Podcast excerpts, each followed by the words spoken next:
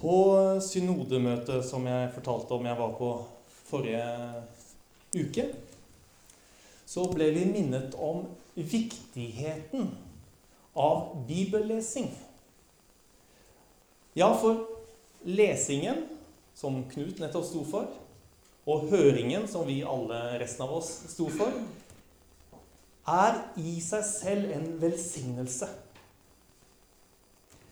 I Åpenbaringen 1.3 så står det Salig er den som leser opp ordene i denne profetien. Og salig er de som hører dem og tar vare på det som der står skrevet.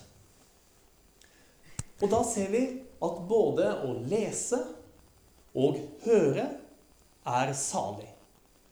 Har du lyst til å være salig? Jeg liker veldig godt å være salig. Så derfor er det en fordel å lese og høre.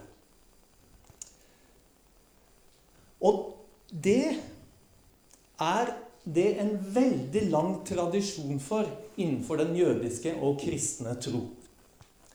I 5. Mosebok 6,6 så står det Disse ordene som jeg pålegger deg i dag, skal du bevare i ditt hjerte.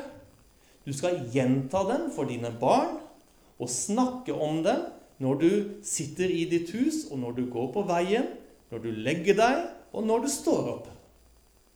Du skal binde dem om hånden som et tegn, og ha dem på pannen som et merke. Du skal skrive dem på dørstolpen i huset ditt og på portene dine. Så hvor mange av oss lever etter det? det, det dette, denne teksten vektlegger, er jo nettopp det å ha Guds ord som en levende del av vår hverdag. I mine tanker, i mine ord når jeg prater. Når jeg er med og, og, og går en tur med en kamerat. Når jeg oppdrar mine barn. Ja, til og med på huset anbefaler 5. Mosebok oss om å skrive opp Guds ord. Og jeg vet at flere her i denne menigheten de har gjort det. Og de gjør det.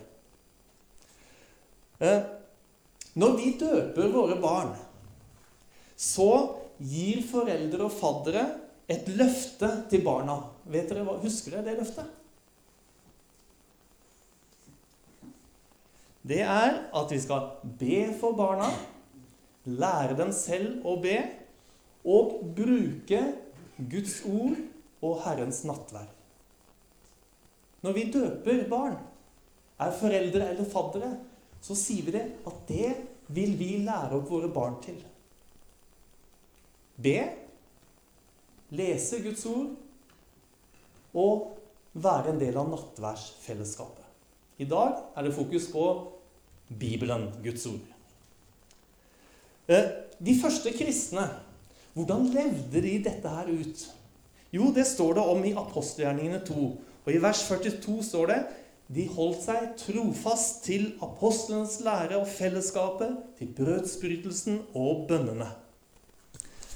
På eh, synodemøtet eh, så var det en eh, person fra Bibelselskapet som kom og hadde en bibeltime. Det er noen av den beste bibeltimen jeg har hørt, og jeg greier dessverre ikke å gjenta det. Men noe av det han fortalte, var en historie fra Asia, jeg tror det var Kina. Hvor det for 25 år siden var en kvinne som hadde vært syk i flere år. Det var ingen kristne i den landsbyen. Men hun hadde hørt om noen i en annen landsby. Der, der var det noen kristne, og de ba for syke. Så hun gikk dit. Hun ble bedt for, kom hjem. Og om det skjedde med en gang der og da, eller over tid, det visste ikke han bibeltimeholderen eh, helt sikkert. Men hun ble frisk. Og hun tenkte at hun ble frisk pga. den bønnen, pga. den troen. Så hun ble nysgjerrig på nettopp hva er den kristne tro. Så hun gikk og kjøpte seg en bibel som ikke fantes i den landsbyen. Og hun og mannen begynte hver morgen å lese høyt for hverandre. Og I denne landsbyen så var det ikke så veldig tjukke vegger, og folk bor tett i tett. Så naboen hørte jo at de hver morgen leste fra en spennende bok. Så etter hvert så var det, noen, var det noen av naboene som spurte du, kan vi få være med, vi også. Ja, ja, og plutselig så var naboene med og leste og hørte. Og etter hvert så kom det flere til. Sånn at det ble mange som leste og hørte daglig fra Bibelen.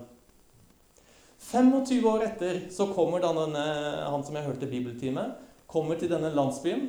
Der var det nå en kirke og 2000 medlemmer. Alt fordi det startet med at noen leste og hørte skriftlesingen. Det står det at de holdt seg trofast til apostlenes lære. Hva er apostlenes lære? Jo, apostlenes lære er, og det er litt kontroversielt i vår tid, jeg er klar over det Apostlenes lære er Guds ord. I Kolosserne 1,25 så sier Paulus jeg er blitt en tjener for Kirken i kraft av den forvalteroppgaven Gud har gitt meg hos dere, å fullføre tjenesten med Guds ord. Står det i 2011.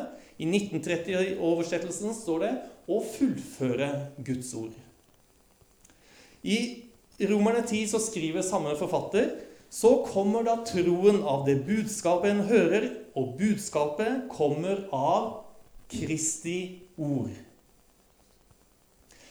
Kristi ord det kan jo snevert forstås som kun Jesus-sitater fra Nytestamentet. Men hvis vi ser nøye etter, så ser vi at Jesu ord og lære var fra Gamle testamentet. Lukas 24 så sier Jesus selv det var dette jeg talte om da jeg ennå var sammen med dere og sa at alt måtte oppfylles som står skrevet om meg i Moseloven, hos profetene og i salmene. Da åpnet han deres forstand, så de kunne forstå Skriftene. Så de holdt seg trofast til apostlenes lære.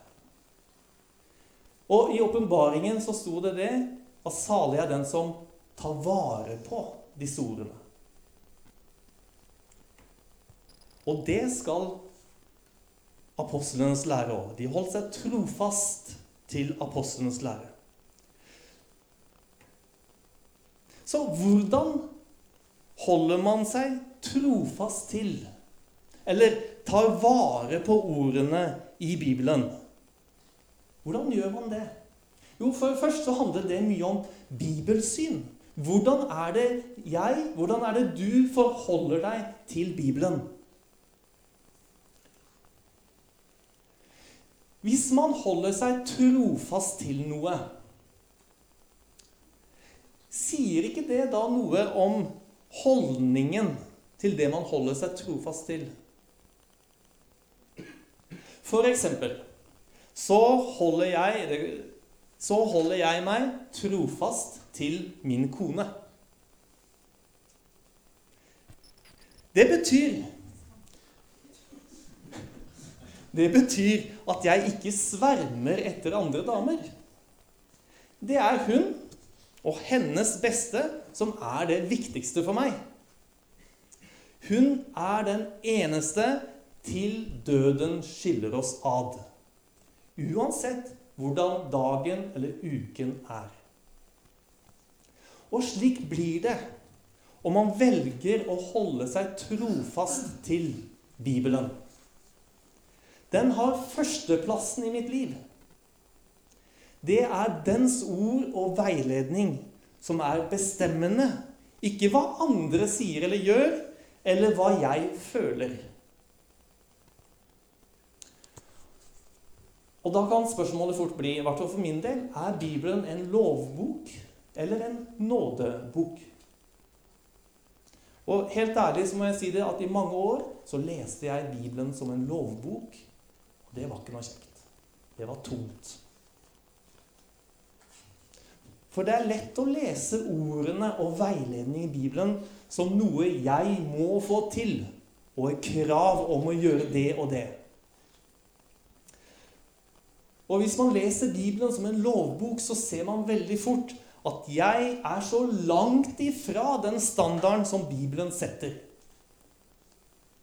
Men hvis vi velger å lese Bibelen som en nådebok, så blir det sånn at ordene som jeg leser og tar vare på i mitt hjerte, det sier jeg ja til og lar forme og prege mitt liv. Akkurat sånn som Knut leste fra Jesaja 55, hvor det står fra vers 11.: Slik er mitt ord som går ut av min munn. Det vender ikke tomt tilbake til meg, men gjør det jeg vil, og fullfører det jeg sender det til. Ser dere forskjellen på lovbok og nådebok? Lovbok, da er det jeg som må gjøre alt det som Bibelen sier. Nådebok, ordet skaper det det ønsker i meg. Så Derfor så er det lurt å ha Maria som et forbilde. Hun bøyde seg for ordet og tok vare på det i sitt hjerte. Da sa Maria, 'Se, jeg er Herrens tjenestekvinne. La det skje med meg som du har sagt.' Og i kapittelet etter Men Maria tok vare på alt som ble sagt, og grunnet på det i sitt hjerte. Hennes holdning til ordene fra himmelen er et forbilde for oss.